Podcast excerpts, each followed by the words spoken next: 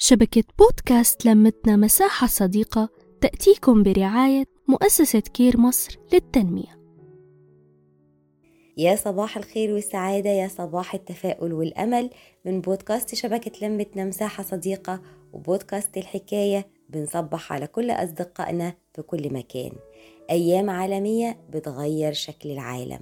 بيعد اليوم العالمي لالتهاب الكبد فرصة لتعزيز الجهود الوطنية والدولية المبذولة لمكافحة التهاب الكبد وتشجيع فيه العمل على مشاركة الأفراد والشركاء والجمهور في تسليط الضوء على ضرورة تعظيم الاستجابة العالمية للتوعية بالالتهاب الكبد. تم اختيار يوم 28 يوليو لأنه بيوافق ذكرى ميلاد العالم الجليل الدكتور باروك بولنبرج الحائز على جائزة نوبل واللي بيعود إليه الفضل في اكتشاف فيروس التهاب الكبد الوبائي بي واستحداث واختبار التشخيص واللقاح ضده.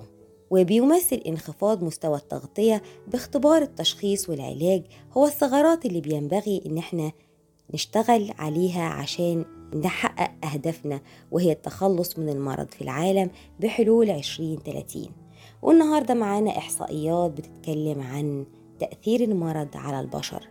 مليون ومئة ألف مواطن حول العالم بيحدث ليهم وفاة ناجمة عن عدوى الفيروس الالتهاب الكبد بي وسي تسعة مليون وربعمائة ألف بيتلقون العلاج ضد العدوى المزمنة بفيروس التهاب الكبد سي 10% من الأشخاص المصابين بالعدوى المزمنة بفيروس التهاب الكبد بي بتشخص حالتهم و22% بس منهم اللي بيتلقوا العلاج.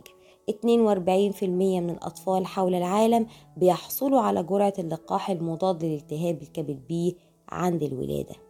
منظمة الصحة العالمية بتهدف هذا العام إلى الدعوة للحد من الإصابة بحالات عدوى جديدة وإنه التهاب الكبد بي وسي يقل جدا الإصابة به ويصل حالة الشفاء منه ل 90% على الأقل. تقليل الوفيات الناجمة عن الإصابة بتليف الكبد وسرطان الكبد بنسبة كبيرة تصل ل 65% ضمان تشخيص حالات إصابات بنسبة كبيرة تصل ل 90% من المصابين وكمان ضمان حصولهم على العلاج.